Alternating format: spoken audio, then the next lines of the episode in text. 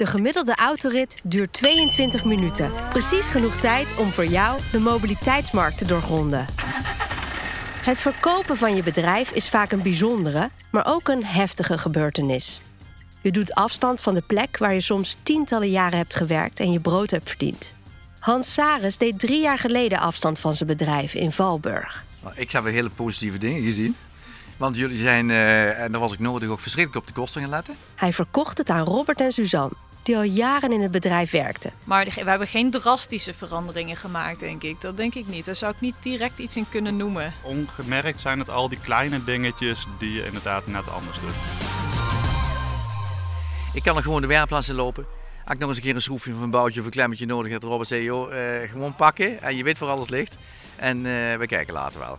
En Robert is bezig met klanten zo te zien. Heb je dan ook de neiging om mee te luisteren, toch nog even tegenaan bemoeien? Eh, Nee, nee, nee, nee, nee, nee. Het belangrijkste, altijd het belangrijkste is afstand houden. Je moet je nergens meer, meer mee bemoeien. Wat was het moment dat je dacht, ik ga toch maar verkopen? Het moment, ja, dat zit natuurlijk. Het moment is, eh, dat, dat is een langere periode. Ten eerste, je realiseert je dat je het bedrijf een keer moet verkopen. Je moet een keer stoppen. Ik heb nou nog een ander bedrijf, een landbouwbandenhandel. Ook daar ga ik een keer mee stoppen. De landbouw. Bandenhandel. Ah, Ik verkoop tractorbanden, wielenvelgen en allemaal van die grote zwarte dingen. En eh, daar heb ik hier altijd bij gedaan. En dat is nou een apart bedrijf geworden. Dus je moet je realiseren, er komt een keer een einde aan. Maar er is een moment dat je denkt, ja, nu, nu moet het gewoon gaan gebeuren. Want eh, ik kan het niet aan of er speelt iets anders. Wat, wat was dat bij jou, die druppel? Eh, dat moment, dat was in feite in 2018. Toen wist ik dus dat Jip, mijn zoon, het niet zou overnemen. Toen was bij de bandenhandel, kwamen er door personeelswisselingen, kwam er vrij veel druk op te staan. Ik moest heel veel tijd erin stoppen. Privéomstandigheden, eh, die speelden een rol. Mijn vrouw en ik zijn helaas niet meer bij elkaar. Die spelen allemaal een rol en dan komt alles op een hoop. Dan kun je eigenlijk niet meer focussen. Dan gaan je resultaten gaan onderuit, dan krijg je problemen. Dus dat was het moment in 2018 dat ik denk, het moet gewoon gebeuren. Het moet gewoon gebeuren, anders gaat het niet goed. En nu gaat het goed met je? Het gaat bij mij hartstikke goed. BOVAG adviseert om niet te wachten tot het werkje over de schoenen loopt en op tijd een plan te maken voor de bedrijfsoverdracht. Renate Weggemans van BOVAG helpt ondernemers zoals Hans op weg. 20% van de BOVAG-achterban geeft aan dat zij verwachten dat ze hun bedrijf gaan overdragen of gaan, eh, gaan stoppen. Dat is heel veel, hè? 20 procent. Ja, dat, is, eh, dat lijkt heel veel, dat klinkt heel veel, maar we zijn eigenlijk een eh, afspiegeling van de samenleving.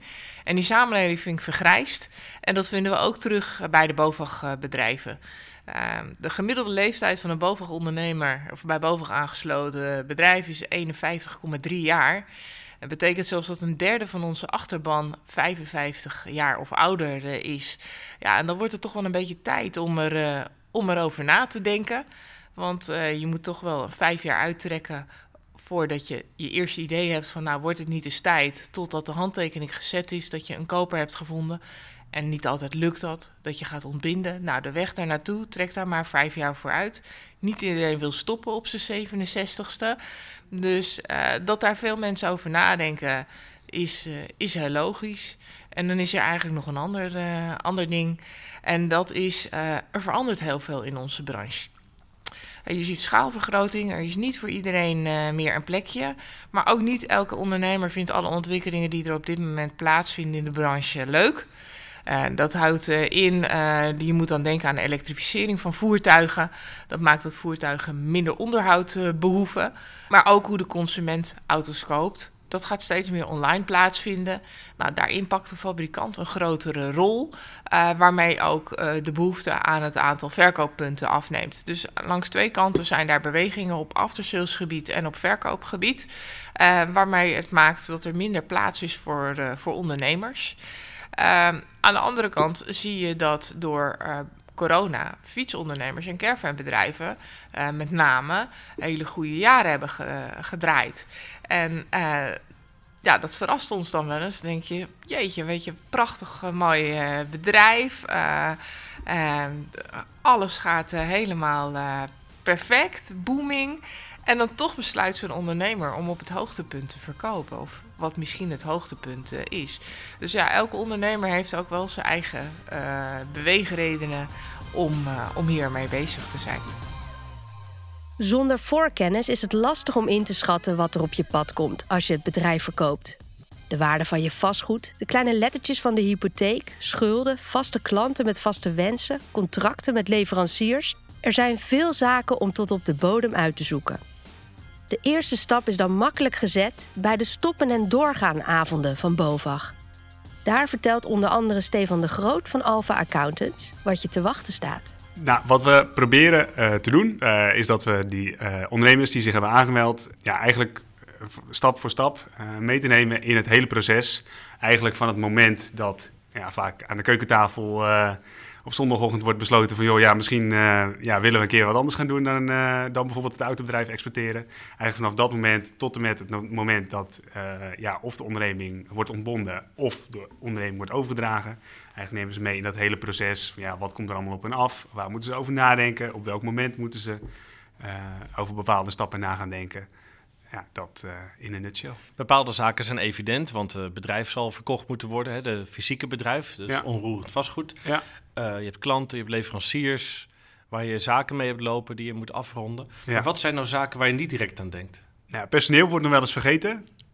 Uh, en dan met name ook wel de financiële gevolgen, zeg maar, die uh, gepaard kunnen gaan met uh, ja, het afscheid nemen van personeel in het geval er geen koper is, dus als het bedrijf wordt ontbonden. Ja, dat is wel een hele, hele belangrijke. Aan de andere kant zie je ook dat als er wel een koper wordt gevonden, um, ja, ook je wel goed nou denken over de fiscale consequenties van een eventuele verkoop. Kan je er iets over vertellen? We komen helaas uh, nog heel vaak tegen uh, als wij uh, ja, worden gevraagd om een autobedrijf bijvoorbeeld te verkopen. Dat als we beginnen met zo'n ehm, traject, dat we eigenlijk vrij snel zien dat de fiscale structuur gewoon niet op orde is. En dat kan best heel breed zijn. De, de, rechtsvorm niet, of hoe het goed zit, niet op een juiste plaats in de structuur. Waardoor je bij de uiteindelijke verkoop best wel een groot bedrag moet afgedragen naar de fiscus. Terwijl, ja, stel dat je drie of vijf jaar daarvoor al eerder had nagedacht over die verkoop. En toen met de adviseur zeg maar, daarover had nagedacht van is dit wel de goede structuur? Zit alles op de juiste plek? Uh, is alles verkoop klaar, zeg maar? Uh, ja, je misschien best een uh, aanzienlijk bedrag aan belasting had kunnen besparen. En dat is gewoon zonde. En daarom is ook die termijn van drie tot vijf jaar genoemd, zodat je dat soort structuren ja. ook kan opzetten. Ja, we beginnen eigenlijk die presentatie altijd met het duizend dagen plan. Uh, dus in ja, drie jaar, om in ieder geval drie jaar van tevoren uh, met elkaar om tafel te gaan van joh, ja, wat wil ik, waar wil ik naartoe, wel, welk tijdspad en welke handelingen moeten er in de tussentijd eigenlijk worden verricht voordat het bedrijf kan worden verkocht of ontbonden. We gaan terug naar Valburg. Robert en Suzanne kijken met Hans heel tevreden terug op hoe ze er samen zijn uitgekomen. Ik weet precies van rijlen, zeilen in de werkplaats. Suzanne die zat al een jaar of zeven op uh, kantoor. Dus ja, dat was voor ons eigenlijk een vrij makkelijke stap om over te gaan. En ik was ook wel ja. toe aan een nieuwe fase hoor. Want ja, ik heb altijd wel een beetje de ambitie gehad om wel meer te gaan doen als me de rest van mijn leven sleutelen alleen. En jij kende alle boeken al, Suzanne? Ja, dat scheelde een hele hoop, ja. Ja, ik kende eigenlijk uh, alles behalve de techniek zo'n beetje. dus dat, uh, dat maakte ons wel een hele mooie combinatie, denk ik. We kenden het bedrijf daardoor ook wel door en door. Ze wisten wat ze kochten. Hè, dat was ook uh, makkelijk. En al, ik heb ook met andere mensen zijn we bezig geweest de afgelopen jaren. En dat ging vaak fout, omdat er veel te veel vraagtekens waren die wij of de koper niet beantwoord kregen. En wat is zo'n vraagteken? Vraagteken is van, nou ja, hoeveel rendement draai je? Hè? En waarom uh, is het niet meer of niet minder? En wat is je toekomstvisie? En uh, hoe zit het met het pand?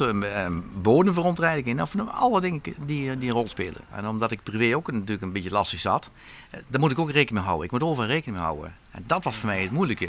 En dan zie je op een gegeven moment zo'n proces van een jaar loopt. Het ging op een gegeven moment, halfweg jaar, ging het ook helemaal niet, niet lekker. Toen, toen, toen zijn we ook even gestopt. En daarna hebben we toch weer uh, in de tweede helft van uh, 18 hebben we het opgepakt.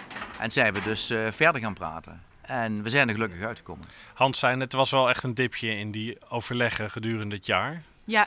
Kan je er iets over vertellen? Nou ja, ik denk dat dat op het moment, uh, op dat moment denk ik dat gewoon het, het zakelijk zijn en de emoties, zowel vanuit onze kant als vanuit uh, de kant van Hans en Els toen de tijd. Uh, op een gegeven moment ging dat botsen. En ja, kijk, wij staan aan het begin om iets iets nieuws te beginnen, zeg maar. Hè? Helemaal vol energie en enthousiasme. En we willen heel graag. En nou ja, weet je, dat je ziet er iets voor je. en Hans en Els die nemen aan de andere kant natuurlijk dan afscheid van iets. En dat, dat staat eigenlijk lijnrecht tegenover elkaar natuurlijk. Met hele verschillende emoties en, en gevoelens die daarbij horen. En ik denk dat we zijn natuurlijk bezig geweest inderdaad met, ja, met die gesprekken. En op een gegeven moment komen die emoties komen gewoon bij elkaar. Uh, of dat nou zowel zakelijk als privé is, maar daar komen gewoon emoties bij. En op dat moment ja, merk je dat de emoties te hoog oplopen. En dan is het ook denk ik goed om gewoon even een pauze in te rusten. Want het is eigenlijk meer een soort pauze geweest. En dan daarna te zeggen van we gaan dan weer verder. Dan is alles weer wat bedaard. En dan kun je ook het zakelijke beter oppakken.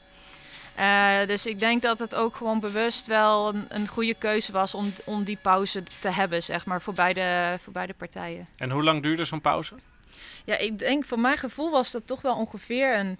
Maand of anderhalf, twee, Ja, zoiets. denk ik twee zeker maanden, wel. Zoiets. Ja, kwamen we ja een denk tot, ik zeker uh, wel. We kwamen ja. als half weer een klein beetje met beide benen ja, op de grond. Precies. Van, ja, zo lukt ja, het ook niet. Ja, En uh, dan is het ook een beetje weggeappt. En uh, het gaat hier om, om, om, om een verhaal wat er is. En dat is bij elke auto, of voor elke familiebedrijf is dat zo. Of je nou een bakker bent, of een kruidenier, of een autobedrijf. Maakt niet maar was tijd voldoende? Of was daar bijvoorbeeld ook hulp voor nodig van buiten? Van een onafhankelijk persoon die ja, de emoties kon scheiden van uh, de cijfers, noem ik het maar. De grootste fout die ik gemaakt heb, uh, en ik, uh, denk ik, als ik naar beneden kijk, is door denken dat je alles alleen kunt. Ik zou ook iedereen mee willen geven die een, een bedrijf wil verkopen. Doe het niet alleen, want je kunt het niet alleen. En je bent natuurlijk eigenwijs en je denkt, daar, daar regelen we wel. En een hele hoop dingen waren duidelijk. Hè? Dus omdat ze alles wisten, dat was natuurlijk een groot voordeel. Maar doe het niet alleen, want je gaat fouten maken. Het is uh, meer adviserend. Uh, stel dat er bijvoorbeeld stukken zouden ontbreken of uh, een adviseur die ziet van, ja joh, hier, mis je gewoon wat informatie of dit is nog onduidelijk. ga met Hans in gesprek en, en, vraag deze of deze punten nog even na. Of vraag meer verduidelijking over dat. Of denk na van als je een jaar verder bent, hoe doe je dan dit? Of een een contract wat loopt, uh, wat ga je daarmee doen? Aan, aan wie behoort dat? Of uh, wanneer eindigt iets? Wanneer neem je iets over? Wanneer uh, is het van jou? Wanneer is het van Hans, zeg maar? En aan heel veel dingen denk je ook niet zelf. Het mooie was dat, omdat jij zo precies bent en heel gestructureerd kunt werken, dat je uiteindelijk, we hadden een hele hoop dingen. En daar heb jij toen een verhaal van gemaakt. En, ja. Hè, daar zijn we dus nou, een, een, contract van gaan maken. Ja. En dat deed je heel nauwgezet, van puntje voor puntje voor puntje voor puntje. Fijn dat je dat gedaan hebt, want dat is niks voor mij. Maar dat was een beetje het handvat. Hè? En ja. toen zijn we gaan bijschaven, van een beetje van dit, een beetje van dat. Ja, en ik klopt. denk dat wij toch 90%, 95% van alle dingen die belangrijk zijn, besproken en genoteerd en contractueel vastgelegd hebben. Ja, zeer zeker. Dus je kreeg ja. een soort document, wat een soort levend document is, wat telkens een klein beetje wijzigt en zich langzaam beweegt richting een eindproduct, ja. waar dan uh, uiteindelijk een handtekening onder ja, komt. Precies. En ik had dan het geluk dat Suzanne dat deed en dat goed deed, maar in feite moet je dat een, dan heb je een derde persoon nodig, die of meekijkt of dat soort dingen doet. Ja. En dat ja. is. Uh, dat hebben we nu zelf gedaan. Hebben we zelf gedaan. Ja. Uh, en dat had eigenlijk misschien ook een, een, derde persoon moeten doen. Ik denk dat het achteraf gezien wel gewoon goed is gelukt zoals we het hebben Ja. gedaan. Maar wil je het echt heel objectief doen, dan had dat een derde persoon bijvoorbeeld moeten doen. Ja. Robert en Suzanne namen de tijd, maar Ineke van Berkom uit Os moest in korte tijd haar zaak verkopen. Matthijs vindt haar in een bedrijfsverzamelgebouw op het industrieterrein. Daar zit ze op kantoor, tussen de volle kasten met de bedrijfsadministratie. En dus niet meer tussen de auto's. Nee, nee, dat is helaas voltooid verleden tijd. We hebben uh, in een heel snel tempo ons uh, bedrijf eigenlijk moeten ontmantelen. Toen kregen we op een gegeven moment te horen, we waren er al mee bezig om, om te zeggen van nou wat gaan we doen, hoe gaan we doen. En toen kregen we op een gegeven moment te horen dat een van de mensen uh, het werk wat hij altijd gedaan had en niet meer mocht doen. Nou, dan moet je één en één is twee doen. Uh, wat gaan we doen? En want die, die was ziek? Uh, die was ziek. En we waren al een jaar bezig met um, het gaat eigenlijk niet meer. En ja, je kan niemand anders aannemen. Überhaupt was er niemand. Ten tweede vonden we het niet echt chic om te zeggen tegen iemand: kom bij ons werken.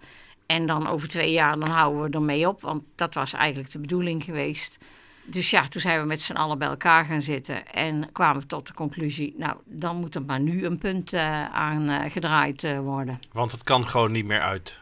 Nee, het, het was, ik vond het niet verantwoord ten opzichte van andere mensen om die aan te trekken. En dan over twee jaar weer te zeggen: doei.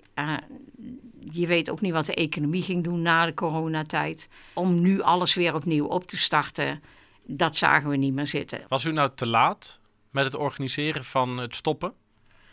Uh, ik denk dat we ingevallen zijn, ingehaald zijn door de tijd en ingehaald door de ziekte van onze werknemer. Ja, betekent dat ook dat u te laat was? In principe denk ik dat wij eerder inderdaad aan de bel hadden moeten trekken. De 71-jarige Ineke van Berkom wil niet meer investeren, maar kan met het bedrijf dat ze heeft ook niet meer verder. Het is dus tijd om zo snel mogelijk een koper te vinden. Met het afscheid dat ze wilde, kreeg de verkoop toch een mooi slot. Er waren al mensen die waren al geïnteresseerd voor het eigenlijk op de markt was. Uh, die zijn uh, gaan kijken bij meneer Bank van wat kunnen wij uh, krijgen. Want die zaten allebei, allebei die firma's zaten gehuurd. Toen zeiden ze van, dan wordt het toch wat anders. Dus dat die kregen de financiering niet rond? Nee. En toen dus geen opvolging, geen kopers, personeel dat wegloopt? Bingo! Ik had alles keurig netjes in een, op de rij. En het werkte allemaal niet. Maar plotseling uh, hebben we toch via via een uh, naam gekregen van een makelaar. Daar hebben we mee onderhandeld. Kwamen we samen uit. Die had ook weer iemand die op dat moment eigenlijk zoiets zocht. Dus die heeft een mooie match gemaakt. Ja, dat zijn alle praktische overwegingen geweest. Maar hoe heeft het uh, gevoeld dat het moment er ineens was van ja, ik ben gedwongen nu om afscheid te nemen van een bedrijf waar ik tientallen jaren met hart en ziel heb gewerkt? 55 jaar, dus niet tientallen, maar heel veel jaren. Uh, nou, dat is een soort rouwproces, mag ik wel zeggen. Hoe gaat dat? Bij mij ging het... Uh, ik ben eigenlijk zo vergroeid geweest met mijn klanten. Ik mag best zeggen met mijn klanten. We zaten dus uh, de tweede week van januari al vol tot en met 31 maart. Want iedereen zei van... Oh, dan wil ik nog dat je even naar mijn auto kijkt. We hebben een afscheidsborrel gehouden. Daar hebben mensen anderhalf uur in de rij gestaan om mijn hand te kunnen geven dat heeft me zo goed gedaan. En we hebben ook tegen iedereen gezegd: tot het einde van het jaar kun je ons altijd nog inschakelen. We hebben ze adressen gegeven van andere bedrijven, beetje soortgelijk zoals wij waren. Want er waren mensen bij waar ik voor drie generaties heb gewerkt. Waar ik de kinderen nog uh, ja, zeg maar in een stoeltje op mijn bureau heb gehad. En dat doet dan wel iets met je hoor. Dat doet wel iets met je. Ja. Is dat een pleister op de wond? Of nou, dat was voor mij het idee. Ik, ik heb erg aan me getwijfeld, omdat ik vond. Potverdorie, ik heb al drie vervelende jaren achter elkaar. We hebben corona gehad. Nou, dit weer erachteraan. Ik denk dat je op een gegeven moment aan jezelf gaat twijfelen: van heb ik het nou allemaal wel goed gedaan? Maar toen die zaterdag geweest was, toen dacht ik echt, ik heb het goed gedaan. Anders waren ze niet allemaal geweest. De koper van je bedrijf is vaak een bekende, maar kan een onverwachte partner zijn, zegt Renate Weggemans van Bovag. Ja, klopt. Maar je ziet eigenlijk ook dat uh, met name de autobedrijven ook heel erg aan het diversificeren zijn. Ja, je ziet dat truckondernemers, auto-ondernemers, ook caravanbedrijven aan het overnemen zijn. En steeds meer auto-ondernemers starten met fiets. Ze willen een totaal mobiliteitsoplosser uh, zijn. Dus um, waar de een op zoek is naar diversificatie en de ander denkt op zijn hoogtepunten verkopen, ja, zie je dat partijen elkaar nu gaan vinden. Dat is eigenlijk een hele goede match, als ik dan jou zo hoor. Ja, dat, uh, dat kan een hele goede, goede match uh, zijn. En, uh, en dat zien we ook gelukkig gebeuren. Maar is dat ook omdat de markt voor autobedrijven dan kleiner is geworden? Dat een simpele rekensom is dat de taart kleiner is geworden? het maakt het daarmee minder aantrekkelijk om het bedrijf over uh, te nemen. Het is inderdaad ook niet altijd mogelijk. Uh, zeker als je kijkt naar autodealerbedrijven. Daar vindt de fabrikant ook iets. Ehm, die vinden dat niet altijd inderdaad vanzelfsprekend dat het bedrijf naar de volgende generatie uh, gaat. Uh, waarbij uh, de volgende generatie ook, als het wel mogelijk is, door zijn fabrikant getoetst wordt. En ja, hoe graag we het ook willen, niet elk kind is ook ondernemer. heeft daarin het volledige DNA van, van de ouders overgenomen. En dan zijn er natuurlijk ook nog ondernemers die helemaal niet weten aan wie ze het bedrijf kwijt moeten. De koper komt heel vaak uit je omgeving. En daarvoor hebben wij BOVAG Matchmaking. En BOVAG Matchmaking is een besloten platform waar zowel kopers als verkopers uh, zich kunnen presenteren. Dat gaat anoniem. Uh, en uh, zij kunnen elkaar daarin ook, ook vinden. Echt blind daten? Ja, echt een, een blind date. Waarom is het anoniem? Het is anoniem omdat partijen vaak niet willen laten weten dat ze in de markt zijn. Het geeft onrust. Het geeft onrust bij klanten. Het geeft onrust bij personeel. Dus op het moment dat je daarmee bezig bent, is dat vaak echt iets wat je bij jezelf houdt. Er worden ook geheimhoudingsovereenkomsten getekend met, met potentiële kopers. Je geeft inzage in, in de keuken. Um, en je wil dat, wil dat discreet en besloten houden. Dan wil ik door naar het volgende onderdeel van BOVAG, de Startbooster. Wat is dat? Ja, Startbooster is onze nieuwste dienst die we aanbieden. Het is uh, begeleiding voor startende ondernemers. Dat kunnen kinderen zijn, dat kunnen werknemers zijn, dat kunnen mensen zijn die uit het niets uh, starten. Want je kan heel goed auto's verkopen, je kan misschien fantastische monteur zijn. Maar uh, ondernemer zijn is toch nog wel iets uh, anders. Uh, dan krijg je ineens met personeel te maken. Je krijgt met overheidsregels te maken. Je moet cijfers kunnen lezen. Je moet een goed plan kunnen presenteren bij misschien wel je leverancier of een, of een bank. Nou, dat leer je in, in Startbooster. Een accountant of andere arbeidskundige kan je veel werk uit handen nemen, denkt Stefan de Groot van Alpha Accountants. Zoek in elk geval hulp en probeer niet alles alleen te doen. Want bij het verkopen of stoppen van de onderneming kijkt de Belastingdienst nauwkeurig mee. Als er wordt verkocht aan een externe, uh, zien we niet vaak dat daar bemoeienis is van de fiscus. Want dat zijn twee, vaak twee onafhankelijke partijen, dat is vraag en aanbod. Um, bij overdracht in de familie kijkt de fiscus wel graag mee. Er zijn best hele ruime en mooie regelingen om uh, je bedrijf belastingvrij of met een fikse belastingkorting over te dragen naar de volgende generatie. Uh, waar de fiscus in ieder geval wel goed naar kijkt, is tegen welke waarde dat gebeurt. Ehm, ja, er zijn, eh, wat ik al zei, vrijstellingen. Ja, je moet wel in de gaten houden of je binnen die vrijstellingen blijft en niet stiekem meer vermogen overdraagt dan die vrijstelling en daarmee eh, dus belasting bespaart. Eh, daar kijken ze wel in mee. En ja, ik noemde nu overdracht aan kinderen, maar stel je voor dat een medewerker de onderneming overneemt, is de kans dat de fiscus meekijkt nog een stukje groter. Want ja, dan zou je helemaal in, de, in de sfeer van ja, bevoordeling kunnen, kunnen komen. En daarmee misschien uh, bijvoorbeeld met zo'n medewerker, ik noem even wat, uh, kan de fiscus van mening zijn dat hij zegt, joh, je hebt zo'n medewerker de afgelopen jaren minder salaris gegeven. Nu voor een appel en een ei dat bedrijf overdragen en daarmee loonbelasting bespaart. Dus dat komen we nog even naheffen. Dan kan ik me voorstellen dat er mensen zijn die een bedrijf willen verkopen en toch denken, ja, als ik een accountant moet gaan inhuren, misschien nog een jurist, een arbeidskundige. Uh, daar heb ik straks hier een heel team van, van mannen in pakken lopen, die allemaal heel veel geld kosten. Ja. Uh, wat, wat kost dat nou om je bedrijf goed te verkopen? Nee, dat is, dat is wel echt lastig en dat is wel echt van de situatie, uh, situatieafhankelijk. Uh, maar ja, dat het meer dan 1000 euro kost, dat, ja, dat is evident. evident. en vaak ook wel meer dan 10.000 euro. En als je echt een heel, nou, misschien weet je, als je een heel verkooptraject hebt van A tot Z aan een externe, nou, dan is 20 tot 30.000 euro is misschien ook nog niet gek daarom is het ook altijd wel goed om, om die afweging steeds te maken van ja, heeft het wel zin om uh, te verkopen aan een externe? Of is het niet voordeliger om gewoon zelf mijn voorraad te verkopen, onroerend goed uh, aan te bieden via makelaar en een regeling te treffen met je personeel? En ook dat is weer onderdeel van de duizend dagenplan. Daar moet je aan de voorkant goed over nadenken. De goede onderlinge verhoudingen, de tijd nemen en een groot administratief talent maakten Robert en Suzanne tot de beste kopers van het bedrijf van Hans. En dan kom je tot de overdracht op 31-12 ja, 2018. Oudjaarsdag. Oudjaarsdag grote vuurtonnen hier. Nou, hun hadden familie uitgenodigd natuurlijk. Hè. Hun waren heel blij. Ja. Want smiddags om drie hebben we pas de handtekening gezet. Hè? Ja, klopt. Ja. En, uh, en toen waren we het eigenlijk ook, ook wel eens. En voor ons was het net andersom. Ja, lastig. Ja. Ja, dat waren dubbele emoties. We hebben met z'n allen hier een uh, biertje en een wijntje gedronken rondom een uh, vuurton. Ja. ja. en alle emoties waren daar. Heel moeilijk was het. Ja. ja. Ik weet nog wel, hun waren dus naar huis een uur of vijf of zoiets. En dan hadden we dus van die grote vier tonnen hier met pallets en rommel en zo. Ook mijn kinderen die waren weg, Els die was weg, dus iedereen was weg. En toen eh, heb ik hier gezeten tot een uur of acht, negen, alleen. Af en toe wat, wat hout op die vier ton gooien, biertje erbij, tot 2000, hè. dat is emotie voor mij. Hm. En tot acht, negen uur heb ik hier buiten gezeten. Gewoon in je eentje? In mijn eentje. Afscheid nemen? Verschrikkelijk. Ja, was heel moeilijk.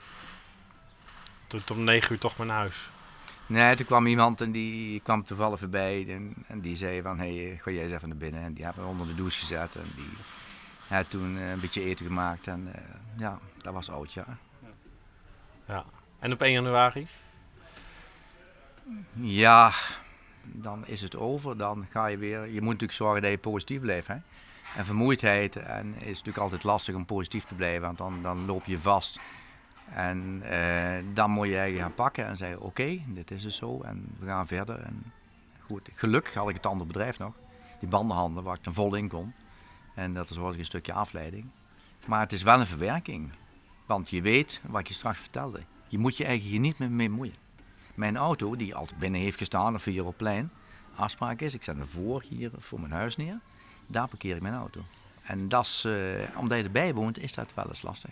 Tenminste toen. Want jij nou, woonde hier om de hoek, hè? Ja, nou. Ik woon hier in het voorhuis. In dus ja. het kantoor van de jongelui is ook in mijn woonhuis. Hè? En dat is maar gescheiden met een papieren deur. Ja, kunnen gewoon met elkaar praten. Zeker, ja. ja. inderdaad. Hoef niet eens de deur los te doen.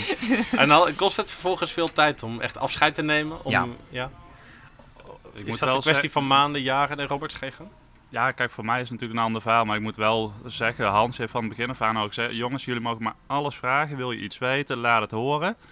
Maar ik bemoei me nergens mee. En ik denk, ja, dat is prima. Maar oud-eigenaar die elke dag hier over de stoep... die staat elke dag hier even in de werkplaats te schuimen. Maar echt eigenlijk nooit bemoeienis gehad.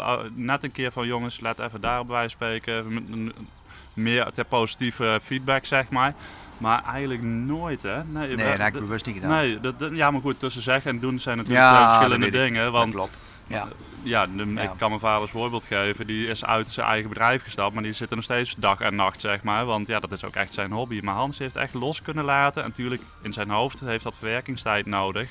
Ehm, maar hij heeft nooit dingen opgedragen van, goh, dat moet je anders doen. Hij heeft zoiets van, jongen, zoek het uit. Het is jullie bedrijf nu. Wil je iets weten, laat het horen. Ik sta altijd voor jullie klaar. Maar nee, dat echt alleen maar bewonderingswaardig hoe dat gegaan is inderdaad. Ja.